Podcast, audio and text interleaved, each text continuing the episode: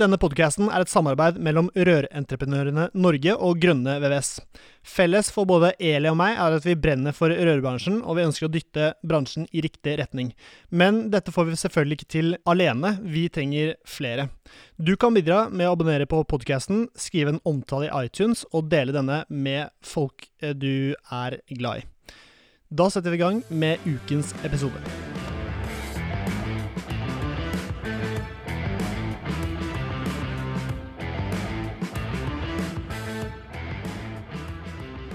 Hei, hei, og hjertelig velkommen til en ny episode av Bare Rør med Eli Hermine Heidal Eide fra Rør-Norge og Severin Midtade fra Grønne VVS. Hvordan går det, Eli? Det går veldig bra. Ja. Hvorfor går det så Det er bra? fordi at jeg har vært på et fantastisk arrangement i helga. Jeg har vært i Loen på Vestlandet, ja, ja. eh, på et hotell som heter Alexandra, sammen med ja, det gamle Ja, ja. Du vet det spøker der? Nei, det visste jeg ikke. Jeg traff bare VVS-folk. Det var 420 mennesker, så vidt jeg veit, som er fra bransjen, med familier. da. Som var der, og hele helga handla bare om rør for min del. da. Det var rør og aking, så vi tok den der eh, gondolbanen opp på toppen. Ja, ja. Og akte, Marianne og jeg akte ned igjen. Jeg har altså så vondt i rumpa, Severin, at du kan ikke se det for deg. ja, for jeg har løpt ned derfra, og det er jo det er noen kilometer, faktisk. Ja.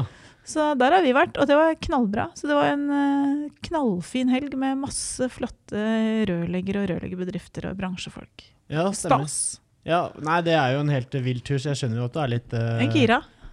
Oppskjørtet. Ja, skal jeg si. er det. Mm, ja. Men uh, hvilke andre grunner er det for å være gira i dag? Nei, nå er det sånn at på, nå har jeg fått en del sånn sneak peek, som det heter. Jeg har fått kikk, smugkikke litt på søkertallene til rørleggerfaget. Ja. Og nå blir ikke de offisielt før den 16., altså den uka her, så denne podkasten kommer jo liksom etter det her, da. Mm. Men uh, dette ser så bra ut i år òg. Jeg det tror ikke det har så mye å si om det er eh, en uke etter det har blitt annonsert, eller, eh, Nei, eller et halvt år. jeg, du er jeg har jo ikke fått de, de, offisielle tallene ennå, egentlig. Jeg har bare fått litt uoffisielle tall under bordet. Mm. Og det ser så sykt bra ut. Ja. Så jeg blir jo gira av det òg. Ja. Så det er litt sånn uh, moro. Så Det er det vi driver med. rumperisting og gode Søkertall. tall. Gode Ja, søkertall. det gjør det meg som- lykkelig. Og hva med speilsveisinga? Jo, det tenkte jeg kanskje var også en greie. vi skulle Fusjonssveising og litt sånne ting. Ja, tenker jeg det er viktig å snakke om. da. plastrør og de tingene der. Så det er tema i dag, faktisk. ja. Vi hadde jo ekspansjon forrige uke der igjen, så hadde vi jo ekspansjon i plastrørsystemer. Mm. Og da er det jo en naturlig oppfølging å snakke om sveising av de samme rørene, egentlig. Eller den typen rør, da. Mm. Så jeg var på varmepumpekonferansen, for øvrig et sted som alle i rørbransjen burde vurdere, alle som jobber med varmepumper, burde faktisk vurdere å ta seg en tur på neste års varmepumpekonferanse. Nå er jeg veldig tidlig ute, for det er et helt år til det er i august neste år. Men det gir et så innmari bra bilde på eh, litt sånn overordna ting som påvirker varmepumpemarkedet. Og der traff jeg Tårn, som er da sjefen i Armatur Jonsson, og sier til han du, dere driver med masse plastveising, sier jeg. Har ikke du en litt sånn eh, bra person hos deg til å snakke om det? Og bare ja, han trang ikke å tenke seg om engang. Da var det liksom du må snakke med Arne. Så i dag har vi Arne her. Arne Jeksrud fra Armatur Jonsson, produktsjef. Det stemmer, jeg er på besøk hos dere i dag. Ja. Ja. Eh, velkommen skal du være. Og Arne, kan ikke du starte med å si etternavnet ditt, sånn at vi har eh, det òg? Jeg sa Jeksrud. det, Jeksrud. Ja, du sa det. Ja, ja. Det hørtes ut som en del. Jeg bare En rørdel. ja, Ja, men han er rørlegger, da. Ja. Og rørleggermester, er du ikke det, Arne? Jo det er jeg. Men vi fant jo ut at familien din er, ikke er eh, Nei. Det er bonde... Ja. Holdt på å si. Bønder. Ja da, jeg vokste opp på korngård. Ja. Eh, mor og far kjøpte som ungdommer kjøpte en gård, stor korngård. Så, og så hadde jeg da eldre brødre, og, eller egentlig så var jo min eldste søster som, hvis det hadde vært i dag, så hadde det vært damene som hadde tatt over gård. Ja. Men den gangen så var det eldste sønn som skulle bli, ta over eh, Odelen. odelen. Ja. Så det blei ikke noe bondegård på meg, så da måtte jeg finne på noe annet, da. Ja, og som uh, snurt uh, ungkar, hvor, uh, hvordan havner du i Han, han trenger jo ikke være ungkar fordi man Nei. ikke var odelsønn, da. Nei, Kan hende han fikk seg dame for det. Ja, ungkar. Jeg tenkte bare på en ungkar, jeg. Ungkar, Å ja. ja, ja. Sånn, ja. Vi, var, vi var ikke der, vi.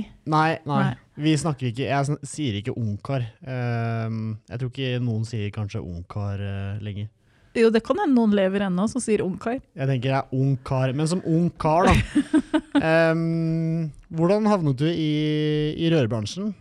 Åh, det var så tilfeldig som det gikk an. Eh, hvis jeg skal være helt ærlig, så var det sånn at uh, jeg sto på bensinstasjonen og fylte bensin. Og så på andre sida av pumpa så sto det en som jeg kjente lite grann. Så jobba i et entreprenørfirma. Og så var det jo sånn at vi begynte å skravle litt da, mens vi sto der og fylte bensin. Ja, ja. Og så kom vi i prat, da, og så fortalte han at uh, han hadde fått en kjempesvær entreprise på, på rørlegging av hovedledninger. Og Så lurte han på hva jeg dreiv med, da, og så kom vi i prat. Og så jaggu så ble jeg tilbudt jobb eh, over bensinpumpa. Han sto jo der og venta, vet du. Han visste du at du hadde en plan. Han hadde stått der en time, og så venta han på onkelen som kom, eh, kom kjørende. og så skulle ha... Men det var så tilfeldig som det. Og så kom jeg inn da i det entreprenørfirmaet som eh, fikk en kjempesvær jobb med å legge store rør. Mm, Hovedledninger. Hovedledninger, 600 mm og 400 mm og alskens sånne ting. Da fikk jeg tenning. Dette skal jeg bruke livet mitt på. Så du likte rør du òg, ja? I ung alder? Én gang. Men jeg, litt eh, uvant inngang for meg. Jeg tok først gymnaset. Og så ble jo denne her, eh, affæra på bensinstasjonen, da. Og så Søren, jeg, det er jo rør som jeg skal drive med. Så da var det jo Jeg var den første klassen som uh, blei utdanna rørleggere på Vestby videregående skole. Ja. Det var jo kjempeinteressant, for vi hadde jo en utrolig flink lærer. Finn Gyldensten het han. Han er dessverre død nå, men eh, han var jo knallgod. Og han, ja, jeg var så glad i han. Han, eh, han fikk det beste ut av oss. Nei, så da ble det Vi var den aller første klassen, og da, den gangen i Vestby så var det jo sånn at eh, Akershus fylkeskommune bestemte seg for å starte opplæringa i, i rørleggerfaget. Og da mm, kjøpte de en fabrikk som het Strongpack. Det var en emballasjefabrikk. Så når vi kom inn i den fabrikken første skoledag, i totalt tom lokale, så lå det en haug med verktøy der. Sveisemaskiner og stål.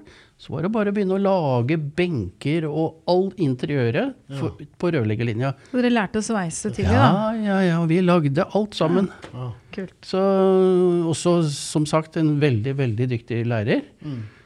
Han hadde jo så mye å fortelle om rørleggerfaget, så, så Nei, da ble det rød resten av livet, da. Og nå er jeg blitt 63 år, så tida går. Kan hende du holder ut resten av Ja, arbeidstida di, nå skal vi holde ut litt til. ja. Så hvis jeg ikke hadde trivdes, så hadde jeg funnet på noe annet. Han læreren der høres ut som en ordentlig luring, da. Ikke en luring, en god Nei. formidler. Ja, også kalt en, eh, ja, en god formidler, og eh, det er noe med å ta med elevene til en arbeids... Eller et Ja. sted de kan starte å utføre litt. Da. Og så gjorde jo dere sikkert den bedriften en tjeneste også, hvis dere ikke gjorde det helt uh... Du vet hva, Det var ikke en bedrift, det var Akershus fylkeskommune Ja, stemmer, som starta rørleggerlinje for første gang Mm. i Akershus. Og, og sånn var den starten, og det var ikke synd på oss. Vi hadde det kjempefint, selv om vi måtte lage pulter og alskens ting. ja. Men uh, det var jo veldig meningsfylt. Så, så det var kjempefint. Og han læreren som jeg skrøt av, da, han, eh, han var jo Tipper han var 55 år, ja, og han hadde jo vært eh, Hadde så mye å fortelle. Han hadde jo vært i Norad og drevet med mm, i Afrika for å finne vann til lokalbefolkningen. Så han var jo sånn brønnspesialist. Så han hadde jo så mye fine bilder og så mye å vise fram fra Afrika. Så det var jo et fantastisk skoleår. Men jeg har hørt rykter om at du også er en fin formidler. For alle som er med i yrkes-NM for rørleggere, går Ja. jo og blir lært opp litt i forkant. For det er jo litt forskjellig hva folk kan Ja. når de kommer som kandidater til NM. Mm. og hva det, det er jo noen systemer som er valgt ut der. Mm. Og du har jo vært litt sånn at du har vært og undervist, har du ikke det? På NM? Jo da, vi, eh, vi skal jo da eh, forberede disse elevene til hva de Læringene, møter. kandidatene. Ja, kandidatene til hva de skal eh, Og da, da kommer det jo folk fra veldig ulike firmaer. Noen har gjort det før, noen har ikke, gjort, har ikke sett verktøyet engang. Veldig forskjellig. Så da, da trener vi litt, da, vet du. Og viser dem verktøy og, og kjører litt teori og litt praksis. Det gjør vi. Så holdt på med min. Ellers så har jeg jo sittet i prøvenemnd i mange år da, i rørleggerfaget. Ja, så. Så um, der hvor jeg gikk på skole, Vestby videregående, der var jeg i prøvenemnd tror jeg var der i sju år, jeg. Det høres ut som du kjenner en Helge Andersen i Oslo. Å, gjett Ja. om jeg gjør. Han har jo vært gjest hos oss før. Ja, Um, han er jo også fra det Ja, ja. området, så vidt jeg veit. Helge og jeg jobba sammen hos Larmerud vet du, på Kolbotn i sin tid. Dette er ikke en stor bransje, vet du. Nei, det er Det er litt sånn at alle kjenner alle, sånn til Ja. syvende og sist. Mm. Ja, Men eh, nå har jeg løfta inn tema plastsveising først og fremst, da, som Ja. sånn hovedgreie i dag. Ja. Eh, og en ting er å snakke om ekspansjon og det som skjer med røra der. Men for å få sammenføyd de røra her, så har jo plast blitt et produkt som tar mer og mer plass, sånn som jeg oppfatter det, ute på byggeplassene. Og det er jo litt sånn i et sånn miljøperspektiv, så er det jo sånn at eh, den gamle vanen med å bruke kobberrør eh, tenker jeg at kanskje noen skal revurdere sånn i forhold til at nå vet vi at kobber f.eks. er et materiale det er mangel på. i forhold til det er ting, Kobber er noe du må ha til veldig mange ting vi trenger framover for å modernisere verden. Men det er ikke sikkert du trenger å bruke det til rør. Nei, og så er det jo sånn at det, det- vi vet jo at en, en vanlig elektrisk ledning, den er jo kobber, inni. ja. det er fordi at det leder strøm så godt. Det leder jo strøm, så, så kobber er jo et materiale som mister energien enormt Mm. gjennom rørveggen. Mm. for å mm, illustrere det litt, så når det gjelder em, varmetap gjennom rørveggen, for kobber så er det 401 watt per meter kelvin. Hæ? Men- Så mye? Ja. Og, Men kan vi ta eh, 400 watt per meter, meter kelvin. ganger grad kelvin. Ja, det, det vi kaller for varmegjennomgangsverdien gjennom rørveggen. Ja, Men betyr det at eh, hvis romtemperaturen er på 20 grader, da, og så er det vannet i det varmeanlegget på 50 f.eks., da, da har du en delta T på 30 grader. Og derfor vi må isolere de rørene så Ja, men, godt. men betyr det at hvis du har 400 watt. Ganger 30 grader Hæ? 1200 watt Ja, per du, løpemeter? Du mister enormt med energi. Det er jo helt galskap. Det er jo derfor vi må isolere dem så godt, fordi det, det er en utrolig god varmeleder, kobber. Vi har jo hatt en egen episode hvor vi snakka om isolasjon. Mm. Eh, og at det faktisk er krav i Tekken til å isolere alle rør som for, fører Mm. tappevann, altså enten det er varmt tappevann eller til varmeanlegg. da. Mm. Men 1200 altså, Er jeg helt på jordet da når jeg sier 1200 watt per løpmeter? Litt avhengig av dimensjonen, sikkert. Ja, og hvilken temperatur du kjører på Ja, som da 100 Ja. grader eller Ja. 30 grader er jo forskjell. Men varmegjennomgangsverdien gjennom rørveggen, det er jo en benevnelse uansett type rør. da. Ja. På stålrør er det 80 watt. Ja, altså U-verdien, egentlig. da. Mm, Ja, det kan du Samme godt si. Samme som på en yttervegg eller et vindu. Mm, mm. Vet du, nå, nå er vanlig U-verdi på vinduer sånn 0,6. 0,8 kanskje. Men når jeg var ung og lovende, så var det sånn 1,5. Eh, Så U-verdien på vinduer har blitt bedre og bedre. Det betyr at det, noen sier at det er så rare vinduer, for det er is på utsida av vinduet når jeg står opp om morgenen. og det er fordi at det er lite varmetap ut gjennom vinduet. sånn at når det er kaldt ute og litt sånn fuktighet, så fryser jo isen på utsida av vinduet. Men det er egentlig et kvalitetsstempel på et vindu, for det, det betyr at det, det er lite energi fra huset som forsvinner ut gjennom vinduet. Da. Og det er det du snakker om nå, at det tall, eller den verdien, eller til høyere det tallet er, til dårligere isolert, er, et, er noe, da. Ja. Så det, det røret er Ja. Det er en kjempegod leder. Mm. Så Det gjelder også aluminium. Det også er en veldig, veldig god leder. Stål er jo også ganske bra. Ja, men ikke altså, så bra. Men 80 watt til forskjell fra 400. Å ja, så stål er Men hvor mye er plass, da?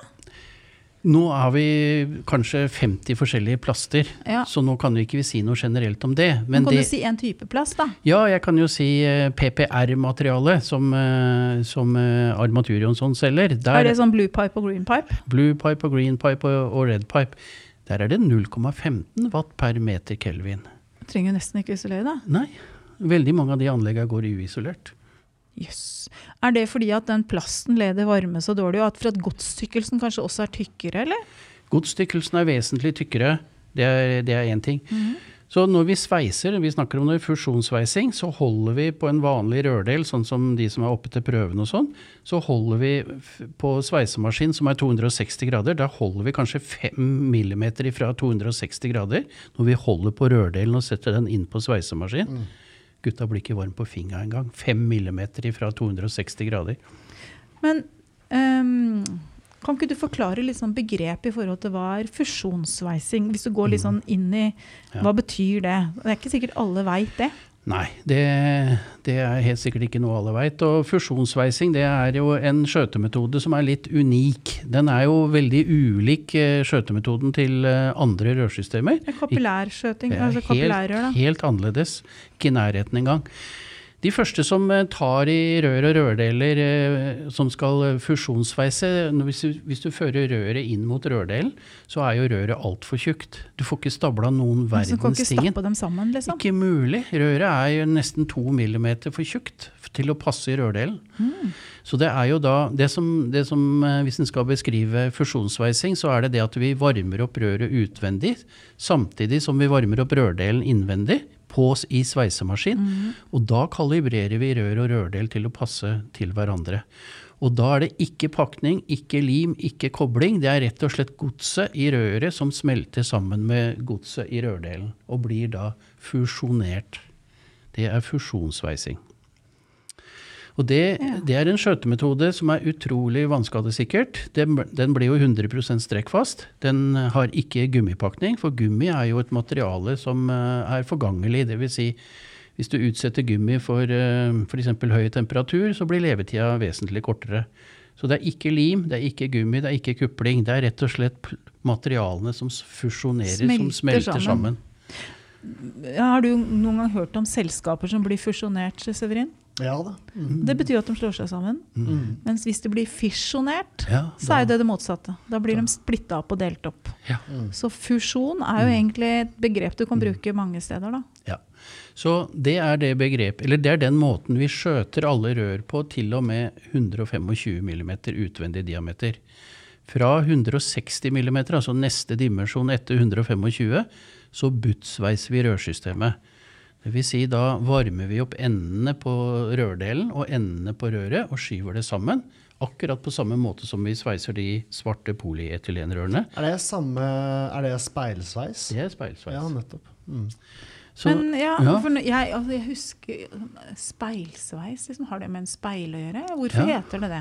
Jo, det er jo Du kan ikke speile deg inn, da, men det er jo på en måte ei plate. På størrelse med et speil, kan du si. Aha. Som er varm. Og så, og så klemmer du da de endene som skal sammenføyes mot den speilen, Mhm. på hver sin side. Og når de er da blitt passe varme for, eh, f.eks. butsveising av PPR-rør som vi driver med, så det er det 210 grader. Så når de har blitt varma opp eh, passe lenge, der har vi en eh, protokoll som vi sveiser etter, mm. så tar vi disse endene vekk fra sveisemaskin, mm. setter fra oss speilen, så skyver vi rør og rørdel eller rør og rør sammen, og buttsveiser dem uten overlapping, sånn som vi gjør med fusjonssveising. Da, For det er en overlappsveis, sånn at, Ja. at den skyves i hverandre, mens dette er Butt butt i i butt. Det er derfor det heter butt. Det er ikke Ja. noe bøtt, men butt. Jepp, det er det. Men Ikke, du også, ler du, Severin. Nei, jeg ler ikke. Jeg syns det var dårlig. Men eh, det er greit. Nei, men butt i, altså, det kunne jo vært et engelsk ord. Vi oversetter jo Ja, mye rart. ja, ja. Men det er butt i butt. Det er Mm. det du sier. Ja. Og så kommer det nye maskiner og ny teknologi stadig. Så her i 2021 så kom det en fantastisk fin ny sveisemaskin, for øvrig fra Italia. Den kan vi både sveise sammen med rørene med, og vi kan lage ben med den. En og samme maskin. Av røret. Yes. Ah. Mm. Men er det da, kan du styre vinkelen på det òg, eller at du kan få den vi vinkelen du vil ha? Trenger du et 36 graders spenn, så lager du det sjøl. Wow, kult. Det, så det blir som å bøye kobberrør, på en måte? Bare at det blir å bøye plasteret, bare at det blir et, som et bend. ja. Og én sveisemaskin tar alle dimensjoner fra 40 mm til og med 160 mm i Ja. én og samme maskin. Men du legger ikke mindre enn eller? 100 men enn 40? Jo, jo. Vi, vi har jo dimensjoner helt ned til 16. Mm. Så øh, vi legger mindre enn 40, definitivt. Tror du at um, plast... Nei, kobberrør er på vei helt ut, eller? Jeg Eh, tenker Hvis jeg skal hjem til eh, en kunde, f.eks. Det ser jo selvfølgelig litt kul ut med Ja, kanskje ikke de gjør det. ser jo ikke kult ut med kobberrør. Ja, Vi rørleggere syns det, men det er fordi det, alt, det er vi ja er vant til det. en green pipe, da. Ja, det ser mye mer fancy ut. Moderne ut. Du, du kan jo male disse rørene akkurat i den fargen du vil. da. Så, Ja. så mal den brun, da, så, så ser den ut som en kobberrør. Ja, eller det, jeg, hadde jeg innreda et rom som jeg skulle få til å se mest mulig fancy ut, så ville jeg jo malt røra i samme farge som taket eller veggen. Mm. Så det er det, det er det de som har eh, ønsker om det estetiske, Mm. f.eks. arkitekter og sånn, de, eh, de maler røret akkurat i den fargen som, eh, Ja. som det ønskes. Ja. Så det er ikke noen begrensning for systemet, da. Men tilbake til spørsmålet. Tror du da kobberen er på vei ut av vinduet? Du vet hva, Det er lagt så mye kobber i så mange år at uh, rørleggere i dag må forholde seg til kobber på en eller annen måte. Pluss Mm. så er det jo en ting til. F.eks. Det brukes ganske mye kobber til gass. Mm. Og f.eks. propananlegg og sånn, og de, de loddes jo. Så jeg, jeg, tror nok en del uh, applikasjoner fortsatt vil, Vil eh, vil uh, ønsker å bruke kobber. Mm. Så at det blir lagt helt på hylla, det, det tror jeg nok ikke. Men det vi vet, da, det er jo at det blir vanskeligere og vanskeligere etter hvert som åra går å drive med varme arbeider Mm. på bygg. Mm. Det er forskjellige grunner til det. Um, Er definisjonen på varme arbeider over en viss temperatur? Jeg bare tenker på ja, kan du si. Alt som kan tenne på eller lage en brann, for å si det sånn. Men da. den sveisinga du vi snakker om nå, Det er ikke varmearbeider. Hvis du tar på sveisemaskin, så kan du jo få en vannblemme, da, så akkurat som hvis du tar på stekepanna hjemme når du lager mat. Da. Men det, det er helt eh, harmløst, da, kan du si. Mm. Uh, så det er ikke noe farlig. Det, du får ikke lagd noe brann med den. Det, det går ikke. Så, så det, det blir ikke regna som uh, varmearbeider, da. Og har du varmearbeider, så skal du jo sitte brannvakt og Ja, skal du sitte en time etterpå. Ja, sånn. ikke sant? Skal du få noen til å betale for det, da. Mm. Men det slipper du her. Men um, bluepipe, greenpipe, redpipe pipe, uh, Ja. og alle, hva er forskjellen? Ja. Det er jo um, Det er hva vi skal bruke det til. Hvis vi starter med redpipe, så er det kun sprinkler. Ja. Bare for, uh, for um, red pipe, green pipe, blue pipe, disse produktene, det er i hovedsak bare Armatur Jansson uh, sine produkter. Det er ikke noen andre som har noe som kalles uh, det samme Jo da, vi har konkurrenter. Og det er, det er ikke våre i Det, Norge. ja, ja, det, Dette her er jo et uh, vi- Armatur Jonsson har jo agenturet på, på PPR-er fra en pro, tysk produsent som heter Akaterm. Ja. Så det er vi, denne agenturet har vi hatt siden 2009. Mm. Eh, vi har fått konkurrenter, så PPR det kan selges av flere eh, på det norske Men da markedet. kaller de seg bare ikke red og blue og green pipe, da Nei. kaller de seg noe annet. Da har de et annet navn, Mm, ja. akkurat som det er på andre VVS-produkter. da. Mm. Mm. Ja, jeg begynte med sprinkeren. Yes. Redpipe kan legges da både som eh, åpent anlegg og, og i yrkesbygg, sånn etter NS 12845.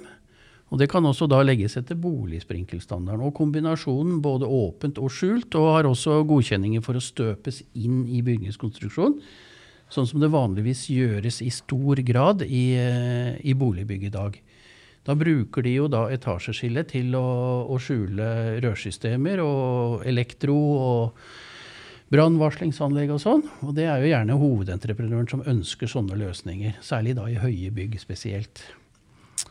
Så eh, Redpipe kan da brukes både i yrkesbygg og boligbygg. Det kan brukes både som innstøpt og som eh, synlig sprinkleranlegg. Kan du også bruke det på vanntåke? Ja, det er også Det er jo et, eh, et tjukkvegga rørsystem som tåler veldig mye trykk. Og på vanntåke så er det jo da, hvis, hvis hodet løser ut, så er det jo en pumpe som starter og jager opp trykket til eh, 16 bar. Nå snakker vi om lavtrykks vanntåke. Det er noe som heter høytrykksvanntåke også, som de gjerne f.eks. bruker i på maritime fartøyer. Da bruker de bitte små dimensjoner med kolossalt trykk. Er det sånn glassfiberforsterka? Sånn som, eh, er det det som gjør Ja. at det er så solid? Er, det, er det en del av det PPR-greiene? Ja da, PPR, det, det, uansett hvilken farge, om vi snakker om red pipe, eh, green pipe eller blue pipe, så er det trelagsrør. Innvendig så er det polypropylen, altså det som vi kjenner som svart og hvit avløpsrør, for de som ikke har vært borti disse rørene før. Det er også polypropylen. I kjernen i røret, etter, altså lag nummer to, midt inni røret, så ligger det en, eh, en glassfiberarmering. Den holder tilbake lineær ekspansjon og gjør stivhet i røret.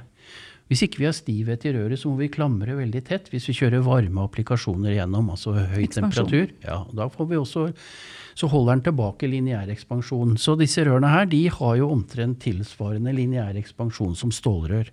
Veldig lik stålrørsekspansjon. Men nå har vi, vi har grenrør Nei, det var det jeg skulle si. Vi har ikke noe grenrør og T-rør, eh, eller har vi det? Tenker du på som avløpsrør? Nei, ja, på en måte, men nå tenkte jeg Hvordan er det du setter på f.eks. et sprinkelhode på et, uh, på en eh, redpipe, må du lage en anboring da, eller hvordan har du koblet deg på? Det er to måter, da. Enten så sveiser vi ned T-rør. Da får vi T-rør med gjenge i bransj, f.eks. Mm. Eller så kan vi sveise på en sadel. Dvs. Si da borer vi rett inn i røret, og, og så har vi med, med et spesielt bor som drar plastikken ut av røret. Mm. Og så har vi, setter vi på istedenfor sveisedor på sveisemaskin, så setter vi på en sadelsveisedor. Og da varmer vi opp ovalitet rundt det hullet, for det røret er jo rundt. ikke sant? Når du borer på et rundt rør, så, så må du jo varme opp rundt hele sirkelen. Og da bruker vi en sadelsveisedor. Og så sveiser vi da på en eh, avstikker med f.eks. entom eller halvtom gjenghet. Som, eh, Men det kan du ikke gjøre på vått anlegg, det må du gjøre på, ikke på trykk, altså Ja, tørt anlegg. Du kan ikke sveise det, fusjonssveise med vann i Da rørene. må det være tørt. Det må være tørt. Ja. Eh, det var red pipe. Eh, green pipe, det er eh, hovedbruksområdet til green pipe. Det er kaldt og varmt drikkevann. Tappevann, rett og slett. Ja, rett og slett eh, tappevann og forbruksvann. Og da kan vi bruke det eh, når Det gjelder også blue pipe. Vi kan bruke det i temperaturområdet fra minus 20 grader og opp til 90 grader. Da har vi fine tabeller i teknisk håndbok som viser forholdet mellom trykk, temperatur og levetid. Står inni den der, da, står innvendig diameter, sånn at du, hvis du skal bruke f.eks. Jeg tenker vi er modne for en revisjon av eh, det som vi i gamle dager kalte normalreglementet, som nå heter standard abonnementsvilkår. Ja. Vi må prøve å få inn litt sånn nye rørtyper der, så må vi sørge for å få sammenligna det med innvendig diameter, sånn at du kan også dimensjonere de røra her Mm. På samme måte. Så her ser du DN-dimensjoner, altså innvendig dimensjon. Så da, det er jo det som rådgiveren setter på tegningene sine. Hvis det er et DN20-rør, så veit Ja. du liksom at det er Da eh, går du bort her, og så ser du at da må du bruke et 25 mm rør når du bruker sånne typer rør. Så det fins det fine tabeller for, da. mm. Men øh, hvor lang levetid har disse rørene? Ja, det er jo eh, 50 til 100 år. Og, Det er ganske greit slingringsmonn, da. Vil du bli 50 eller 100 år? Jeg vil gjerne bli 100. ja, og hva er det som degraderer et rørsystem? Ikke sant? Jeg tipper at jeg veit noen ting. Ja, Feil temperaturer er sikkert en Ja. veldig viktig årsak. Hvis du f.eks. har eh, fjernvarmeanlegg, og, og du får f.eks. Eh, 100 grader inn på, i rørsystemet, så vil det stjele en del år av levetiden. Men hvis du lager rør ute, da, i sol og vær og vind? Ja, Da er det jo sånn at når disse rørene selges fra rørgrossistene, så, mm, så ligger de i poser som er eh, UV-bestandig plast på. Så de kan godt lagres ute så lenge de ligger i den Posen, ja. Det er viktig. Ja, så, um, så da er det ikke noe begrensning på hvor lenge den kan ligge ute. Men da er det sånn at hvis du legger nakne rør da, altså som ligger med, med overflaten rett ut mot uh, sola, altså mot, som tar imot UV-stråler, så over år så vil det få en litt mer sånn gråmatt overflate. Mm. Og det spiser da av disse 100 årene. Ja. Hvis, du, hvis, du, hvis du begynner å montere et sånt et rør som, som har ligget lenge ute, så har det kanskje spist fem, seks, sju år av disse levetida. Så det degraderer plasten. Så plastrør skal ikke legges, lagres nakne ute i sola. Mm.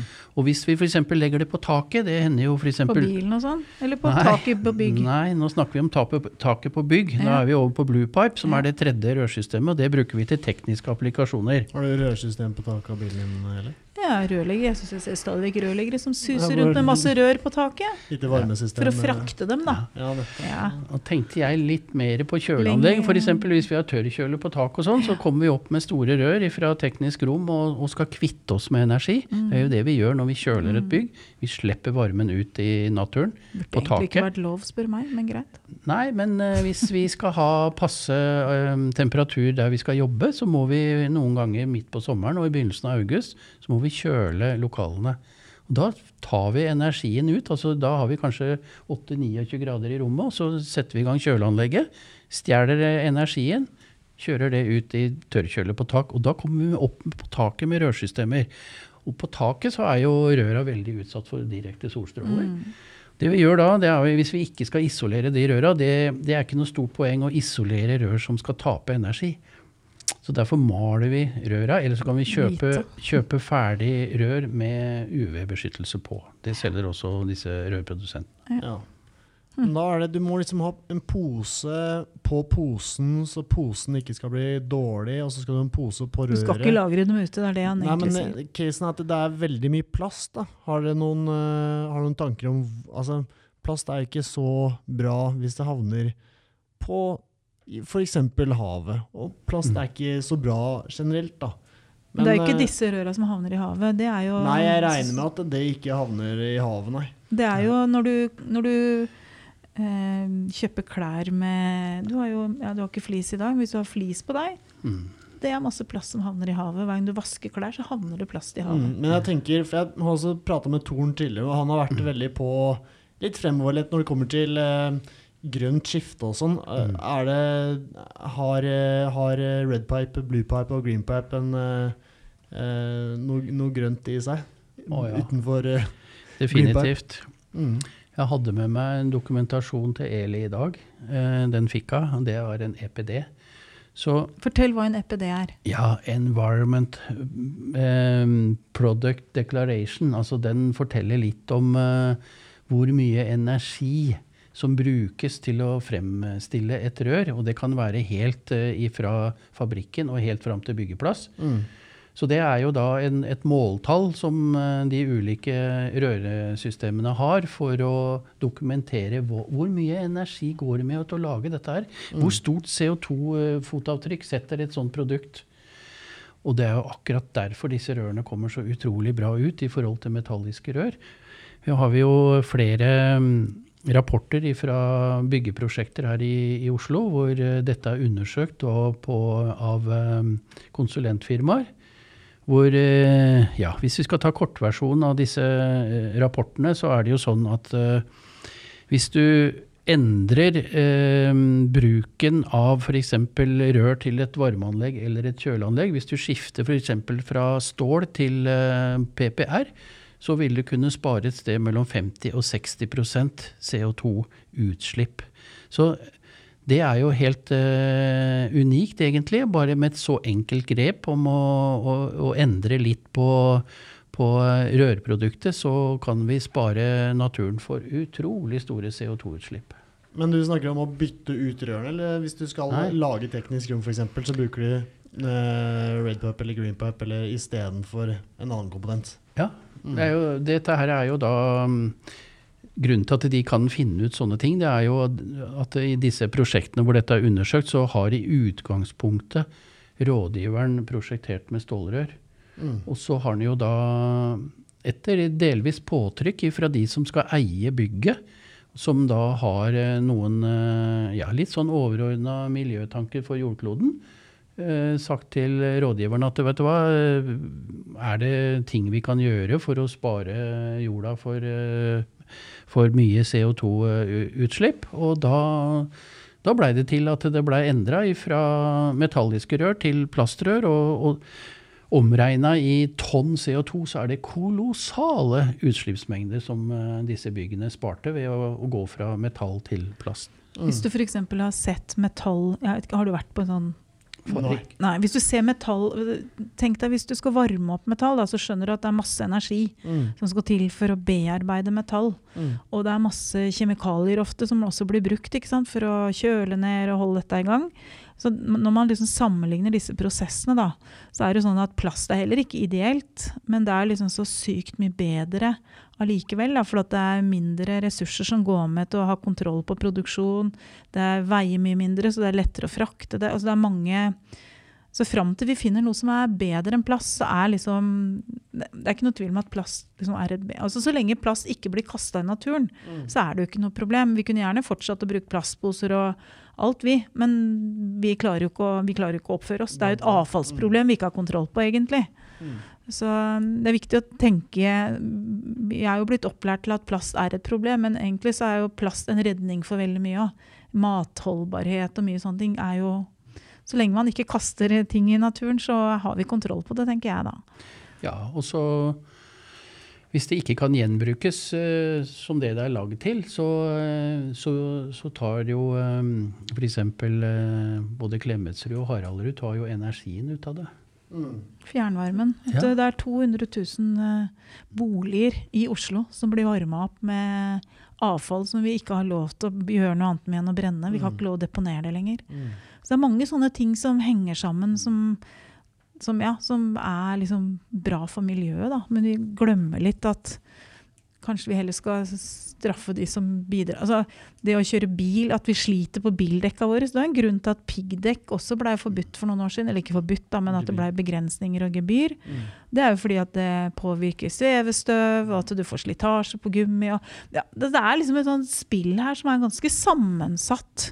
Men vi som rørleggere og rørbransje har jo på en måte muligheten til å påvirke utslipp fra vår bransje. Da, bare med å tenke på hva slags produkter vi velger når du, når du skal bygge et bygg. Så har jo du som eh, beslutningstaker i din bedrift store muligheter til å bestemme hva slags rørsystemer går denne bedriften for, og ha noen meninger med det. Da, ikke sant? I Mm. forhold til at du har tatt noen miljøvalg. kan være at noen av produktene er dyre, men det kan hende at det gjør at du får mindre skade på de ansatte. Det blir mindre løfting, mindre Altså, ja. Det er null korrosjon. Det ruster ikke verken innenfra eller utenfra. Og veldig mange av de rørsystemene i rørleggerbransjen har levert gjennom veldig mange år, har rusta opp. Mm. Så det, det, der er plastrør eh, mm. Ja, da, da, blir det, da blir det rust av kondens. Kondensere under isolasjon, f.eks. spesielt kjølerør. Kjølerør. ja. Hvis du har tatt av isolasjon på kjølerør, så ser du stort sett at de er godt rusta. Mm. Og det er fordi det blir fukt. Godt rusta, ja.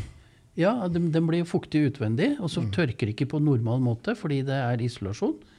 Og så blir det bare brukt noen måneder i året, og så blir det stoppa. Så får den der kondensen lov til å kose seg under isolasjon. Mm. Der hvor jeg bodde før, så hadde jeg energibrønn. Men jeg, hadde, jeg satte inn en litt større varmepumpe etter hvert, så jeg Mm. trang egentlig større enn lenger, le, dypere borehøl. Men før jeg fikk ordna det, så hadde jeg en liten sånn flik på isolasjon på den mm, primærsida på den som gikk ned i borehullet. da. Ja. Og det var jo litt for heftig varmepumpe, så det blei litt for kaldt vann. Oh, ja. Og det medførte jo at jeg hadde jo noen isskulpturer av en annen verden nede i kjelleren. ikke sant? Fordi at hadde jeg hatt helt tett isolasjon, som ikke slapp eh, luft til, da, Fuktig luft. fuktig luft til, Mm. så ville jo dette gått veldig fint. For da ville det holdt seg på innsida, og det var ikke noe rustproblematikk, for det var plastrør. Mm. Men det var en sånn eye-åpner for meg i forhold til at, Energi. ja, altså vanvittig mye energi, for det første. Og tenk at det lille liksom, området som Mm. ikke var uh, isolasjon, da, produserte de enorme mengdene med is. Jeg var helt sjokka, jeg. Ja. Så my hvor mye det har å si. Ja. Så Har vi vært på bluepipen? Ikke ja, så veldig vidt. mye. Vi må. Vi må pirke litt mer i det, vet du. Ja. Da snakker vi om eh, på å si, alle mulige slags tekniske applikasjoner. Altså, vi, starter med de tre mest vanlige. er jo Varmeanlegg, kjøleanlegg, trykkluft. Men vi kan også bruke bluepipen til veldig mange andre ting. De, Hva er det som er at eh, redpipen egner seg bedre til sprinkling enn greenpipen osv.? du vet hva, de er egentlig lagd av akkurat det samme plastråstoffet, som heter fusiolen. Det er et, eh, når, du, når vi ser eh, disse rørene bli lagd på fabrikk, så er det en gjennomsiktig granulat. Dvs. Si, det ser ut liksom som kunstgjødsel som er gjennomsiktig. Alle tre er, eh, er lagd av det. Når det gjelder redpipen, så er det tilsatt noen stoffer for at det skal holde seg ekstremt bra hvis det blir kjempevarmt i et rom. At de ikke smelter, ja. Ja, Det er jo eh, smart. Det, ja, det, det er noe som heter Der kommer vann, da. Ja jo. Det er, noe, det er noe som heter additiver, tilsatsstoffer som vi kan tilsette plastrør for å få spesielle egenskaper. Ja. Og, og Redpipe har et sånt et, eh, sånn egenskap. I tillegg, da, siden det er også godkjent for å bruke på vanntåke, dvs. Si da må det tåle veldig mye trykk. Mm. Så mm, eh, det røret her, hvis vi, hvis vi eh, har en veldig god kompressor, kjører opp trykket hinsides mye, så sprekker det røret der eh, på langs rett før 100 bar. Ja. Så det er noe som vi kaller for SDR 7,4. Det er den tjukkeste godset vi har på noen plastrør på det Mm. sprinkleranlegget. Ja.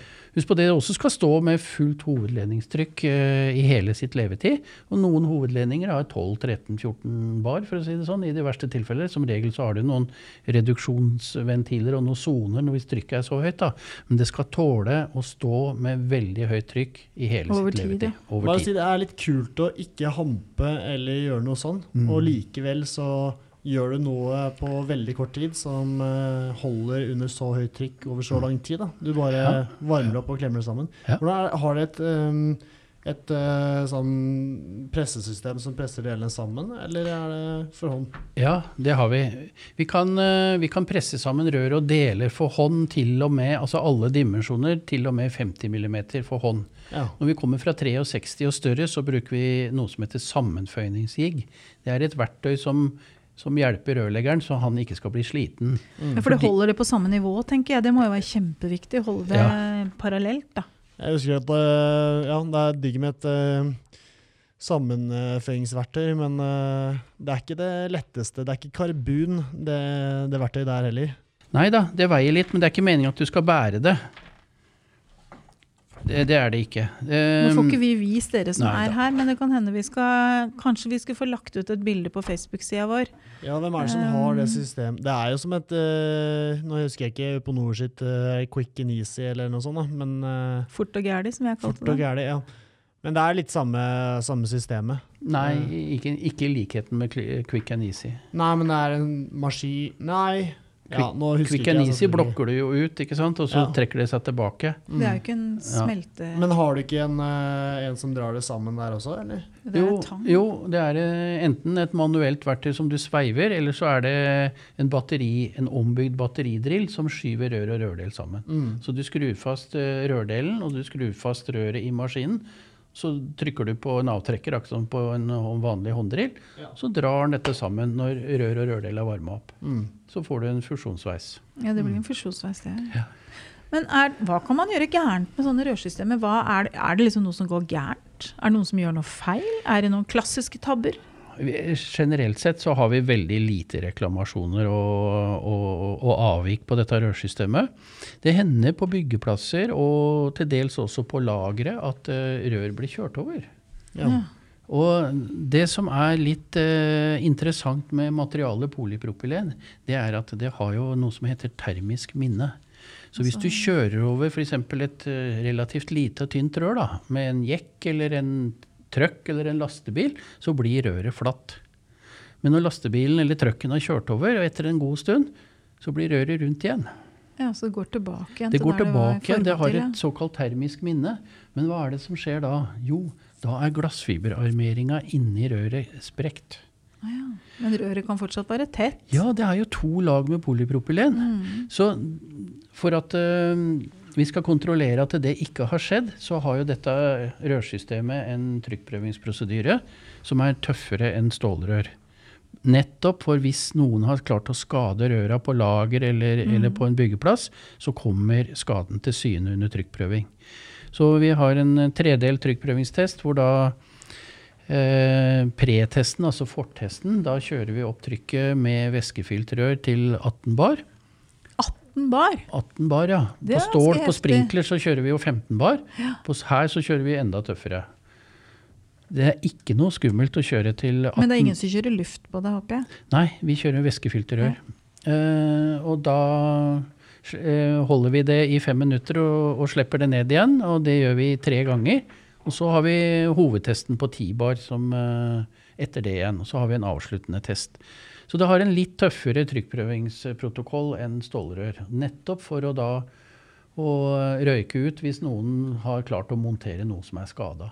Det er vel egentlig en tabbe som en sjelden gang skjer, men det hender noen kjører over rør på byggeplass. Så det er veldig viktig at rørleggeren på en måte har samla røra sine sånn noenlunde, at ikke det ligger rørstumper spredd overalt. Og så kommer det en eh, annen eh, bygningsarbeider med jekketralle og kjører over røra, og så Ja, for det var ikke hans rør, ikke sant? Han, eh, så tar rørleggeren og monterer det inn, og så hvis han da i tillegg jukser med trykkprøvinga, så, så kan han få en lekkasje. Men eh, dette er jo unntakene, da. Så det var bare et eksempel på hva som kan gå galt, med det, fordi det har et termisk minne.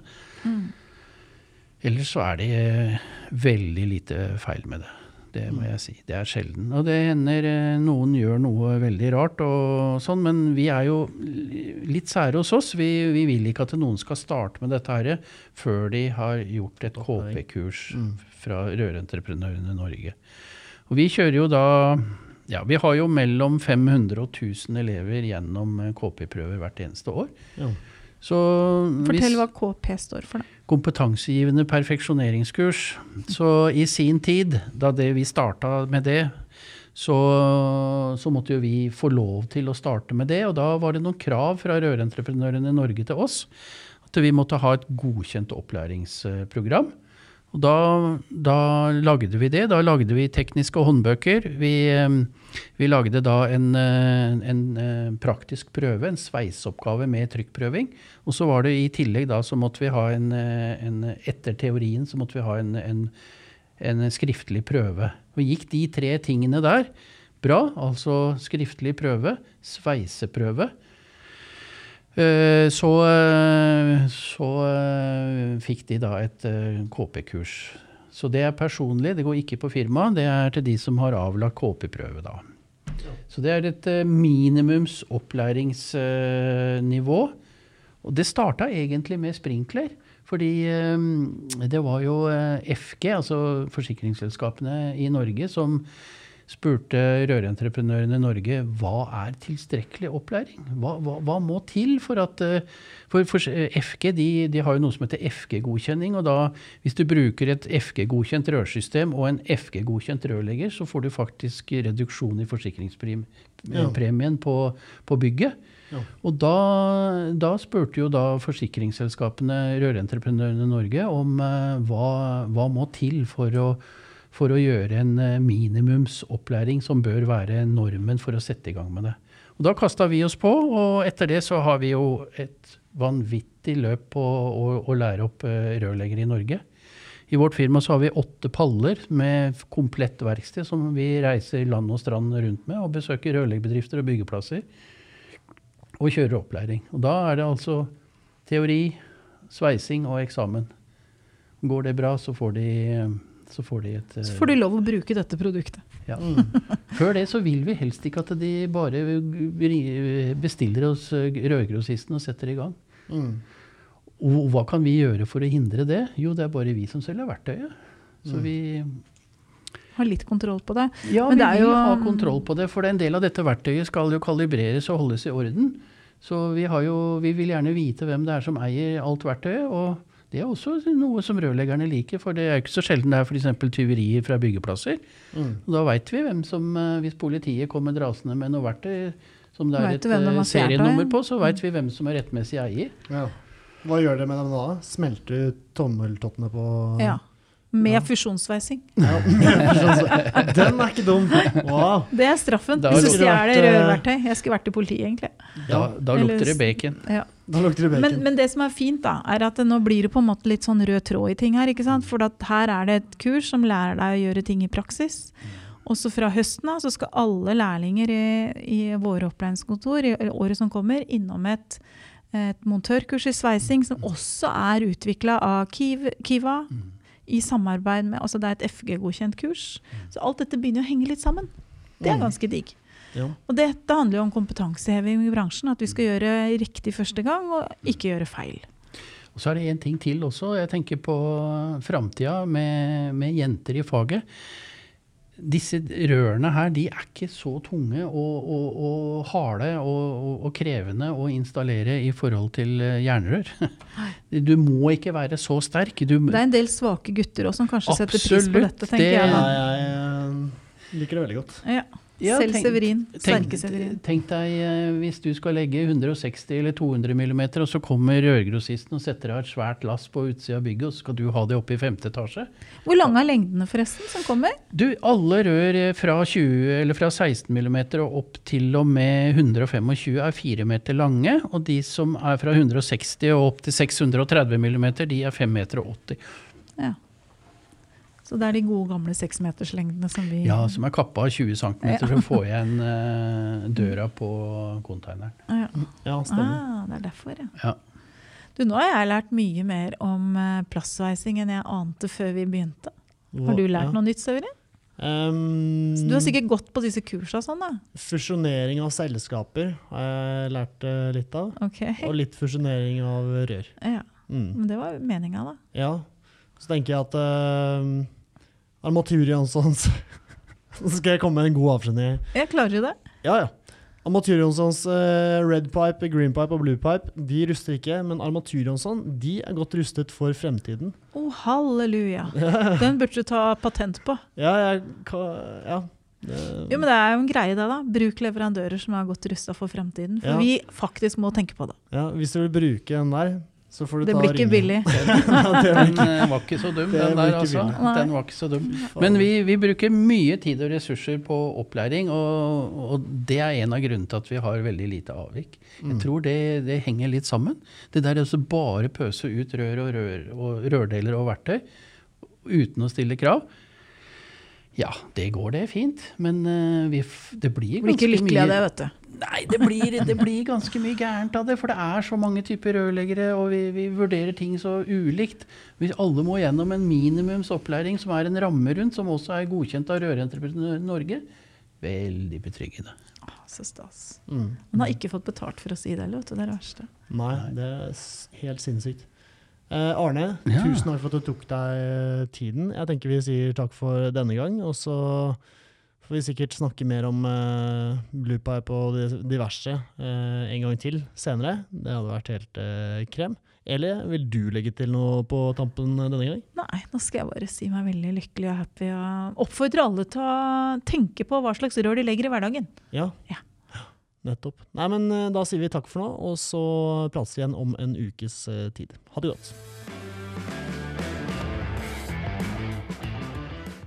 Halla, hvis du likte denne podcasten, hadde vi satt utrolig stor pris på om du abonnerte og gir oss en tilbakemelding i avspilleren. Eh, spre gjerne ordet videre til andre i rørbransjen som brenner for rørleggerfaget og er opptatt av å drive en seriøs rørleggerbedrift.